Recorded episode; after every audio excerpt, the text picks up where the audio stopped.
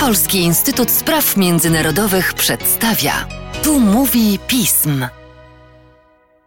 W podcaście Polskiego Instytutu Spraw Międzynarodowych witam Państwa Łukasz Jeśna i witam naszego gościa, specjalistę od spraw afrykańskich, Jędrzeja Czerepa. Cześć Jędrzeju. Witaj Łukaszu, dzień dobry Państwu. Porozmawiamy sobie dzisiaj o sprawie sprzed kilku dni, ale, ale chyba ciągle ważnej i perspektywicznej. 19 kwietnia w wyniku odniesienia ran na froncie w walce z antyrządowymi rebeliantami zmarł prezydent Czadu Idris Deby. Co się dzieje w Czadzie? Wojna domowa? Atak z zewnątrz? Dlaczego prezydent zginął w walce? No to jest sytuacja bardzo niestandardowa, jeśli spojrzymy na nią z naszej europejskiej perspektywy, czy z perspektywy w ogóle dzisiejszego świata. To takie sytuacje praktycznie się nie zdarzają. Natomiast w Czadzie nie jest to znowu coś specjalnie wyjątkowego. Prezydent Czadu Idris Deby objął władzę w 90 roku jako wojskowy, jako były szef sztabu generalnego, który przejął władzę siłowo i przez całe swoje 30-letnie rządy no przede wszystkim był wojskowym, był bardziej żołnierzem niż prezydentem. I jako taki sprawował rządy w sposób bardzo wojskowy. W związku z tym opozycja też podchodziła do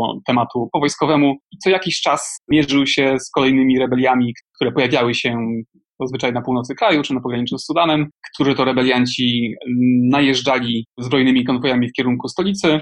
W takich momentach standardowo na pomoc przychodzili mu jego najlepsi sojusznicy, czyli Francuzi, którzy bombardowaniem ratowali skórę prezydentowi Debiemu. Ale właściwie było wiadomo, że w którymś momencie czara się przeleje i w taki sposób pewnie zakończą się jego rządy. Któreś z ataków rebeliantów okaże się silniejszy niż jego siły. Co ciekawe, ten atak rebeliantów, o którym akurat mówimy, nie był może jakiś wyjątkowo spektakularny. Oni pojawili się z Libii. W Libii, jak wiemy, bardzo rozkwitł w czasie wojny domowej libijskiej proceder no, handlu usługami najemniczymi i różnego, różnego pochodzenia rebelianci, czy to z Sudanu, czy z Czadu, w tej Libii byli bardzo, bardzo głęboko okopani, czyli uczestniczyli po różnych frontach, po różnych stronach e, walk w Libii w tym konflikcie i ci właśnie rebelianci z tego ugrupowania o takiej nazwie Front na rzecz zmiany i zgody w Czadzie Najpierw walczyli po jednej stronie konfliktu libijskiego, potem po drugiej, czyli e, bojówek z Misraty, później po stronie generała Haftara jako podwładni Haftara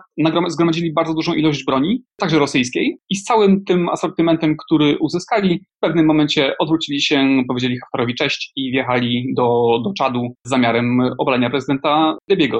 To było zupełnie niespodziewane. To się stało w dniu, w którym odbywały się w Czadzie wybory prezydenckie. No i prezydent Debi, który te wybory wygrał, dzień po ogłoszeniu wstępnym jego zwycięstwa, jak zwykle przytłaczającego, prawie 80%, zamiast wystosować no, odezwę do, do narodu, to pojechał prosto na front, żeby osobiście przejąć dowództwo nad walką y, z partyzantami. Jedni mówią, że zrobił to dlatego, że żołnierze po prostu poddawali się, przechodzili na stronę y, rebeliantów czy rzucali broń. W związku z tym pojechał tam, żeby no, wymusić na nich swoje posłuszeństwo. Nie było to dla niego pierwsza sytuacja tego typu. Dwa lata temu dowodził ofensywą przeciwko terrorystom z Boko w rejonie jeziora Czad. Żył po wojskowemu i także dla jego grupy etnicznej Zagała, jednej z najbardziej bojowniczych i zaprawionych w bojach w Afryce, osobiste kierowanie operacjami wojskowymi przez przywódcę politycznego nie jest niczym nadzwyczajnym. Podobnie jak nie tylko pewnie tam. Wspomniałeś o roli Francji. Czad był centrum francuskiego imperium kolonialnego w tym rejonie Afryki 50 lat temu i potem utrzymał bliskie związki z Francją i w czasach Kaddafiego był taką francuską bazą i później. Jak bardzo te wyjątkowe związki z Francją wpływały na rządy prezydenta i jak bardzo mogą wpływać na Czad teraz? No, te związki są absolutnie e, fundamentalne. Zresztą no, Czad jest takim, jak mówiliśmy przed chwilą odrobinę o postaci prezydenta Czadu Idrisa Debiego, już z tego wstępu można, można łatwo wyczuć, że jest to postać, która nie jest specjalnie otwarta na demokratyzację, na, na przejrzystość rządów, na reformy czy na jakiekolwiek ograniczanie swojej własnej władzy. Czadzie, o ile Czad ma najbardziej skuteczną i najbardziej zdolną do współpracy międzynarodowej armię w Afryce, najbardziej, jest to najbardziej pożądany partner w jakichkolwiek działaniach w Sahelu i nie tylko, niezwykle ceniony, niezwykle, niezwykle zasłużony, o tyle system polityczny, który Francja poniekąd pośrednio zakonserwowała, jest takim reliktem zupełnie nie tej epoki. Takiego właściwie sposobu rządzenia się nie spotyka już nigdzie, nigdzie na kontynencie. To jest zupełny relikt lat 70. Więc Francja siłą rzeczy, oferując bezapelacyjne, niepodważalne wsparcie w jakiejkolwiek sytuacji dla, dla Idrisa Debiego, siłą rzeczy zakonserwowała ten system i, i, zablokowała jakiekolwiek szanse na reformy, co teraz widać wyraźnie na ulicach Czadu. Dzisiaj, kiedy rozmawiamy, czyli we wtorek, mają miejsce pierwsze takie masowe wystąpienia przeciwko przejęciu władzy przez syna Debiego, który chwilę po ogłoszeniu śmierci ojca przejął władzę. No i te protesty mają też mocno antyfrancuski wymiar. Mówią o tym, że nie chcemy tego, żeby Francja zainstalowała tutaj monarchię, którą czas przecież nie jest. Nieformalnie, ale, ale masz rację. Nowy przywódca ma lat 37, to Mahamat Elis Deby, syn poprzedniego przywódcy, to już sam powiedziałeś. Czy my coś wiemy o nim więcej, poza tym, że jest synem przywódcy, który zginął? Tak, wiemy na pewno to, że sprawdził się jako jeden z najważniejszych dowódców wojskowych armii czadyjskiej, która u boku Francuzów wyzwalała Mali w 2013 roku. To właściwie Czadejczycy wyzwalali północne Mali opanowane przez szereg ugrupowań dżihadystycznych powiązanych z Al-Kaidą. Czadejczycy szli najpierw, dopiero po nich wchodzili, wchodzili do miast Francuzi. I właśnie Mohamed Idris Deby był tam jednym z najważniejszych dowódców, świetnie współpracował z Francuzami, jest im doskonale znany, no nie ma tutaj duże zasługi. We, wewnątrz kraju przez szereg ostatnich lat sprawował funkcję dowódcy gwardii prezydenckiej, czy w ogóle takiego konglomeratu różnych służb siłowych. Był człowiekiem cienia, był człowiekiem, który nie lubi być w świetle Jupiterów, raczej starał się zapewniać na tyłach poparcie czy lojalność w strukturach siłowych, a także w obrębie klanów grupy etnicznej Zagała, z której pochodzi prezydent.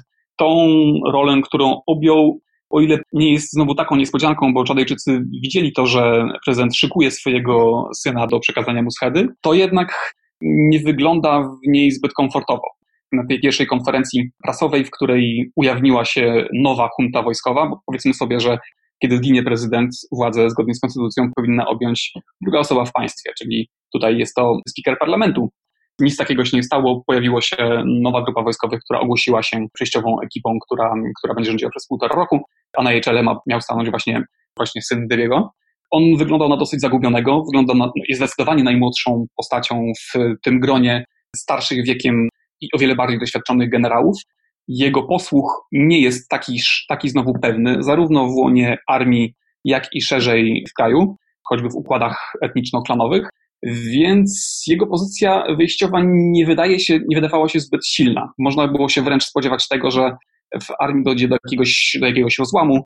Ci rebelianci, którzy, no, którzy spowodowali śmierć prezydenta i którzy zagrozili stolicy, że zyskają w tym momencie posłuch, zyskają nowe paliwo polityczne, zyskują może poparcie ludności, przynajmniej stolicy. Natomiast pierwsze, co ogłosił, to ogłosił pewne swobody polityczne, które wcześniej nie było znane, na przykład wol, wolność wypowiedzi, wolność prasy.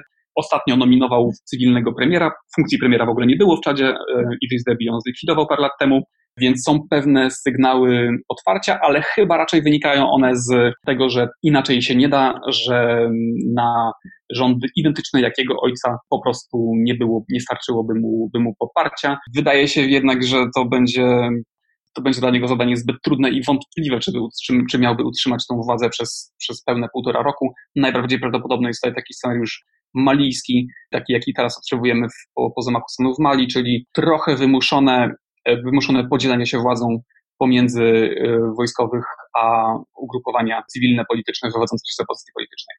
I na pewno będzie to bardzo ciekawe i ważne chyba dla świata. Zdecydowanie. Ten kraj, bez tego kraju nie da się zrobić nic w Sahelu. To Czadyjczycy jako jedyni odważają się patrolować północną część Mali, najbardziej niebezpieczne miejsca na pograniczu Mali i Algierii, w błękitnych hełmach misji e, ONZ-owskiej. Jeśli ich by zabrakło, bo na przykład e, młody Debi musiałby wycofać wojska z zagranicy, żeby skonsolidować swoją władzę w kraju, powstanie tam pustka, którą, której nie bardzo jest komu wypełnić. Na pograniczu Burkina Faso, Nigru i Mali obecnie drugim najniebezpieczniejszym miejscu, gdzie, gdzie działa swobodnie e, państwo islamskie saharyjskie, gdzie krzyżują się wpływy wszystkich właściwie ekstremistycznych ugrupowań. To jest taka no-go zone na, na pograniczu tych trzech państw. Czad wysłał tam dosłownie kilka tygodni temu batalion 1200 żołnierzy. To są najważniejsze wkłady, jakie może dać regionalna siła w stabilizację w Sahelu, czy w walkę wprost z, z ugrupowaniami ekstremistycznymi dżihadystami. Jeśli tego miałoby zabraknąć, to cofniemy się o kilka lat do tyłu w postępach e, walki z zagrożeniem. Dziękuję Ci bardzo, Andrzeju, za dzisiejszy podcast, a Państwa zachęcam do czytania tego, co Andrzej u nas publikuje na temat między innymi tego regionu. Dziękuję Ci raz jeszcze. Dzięki również.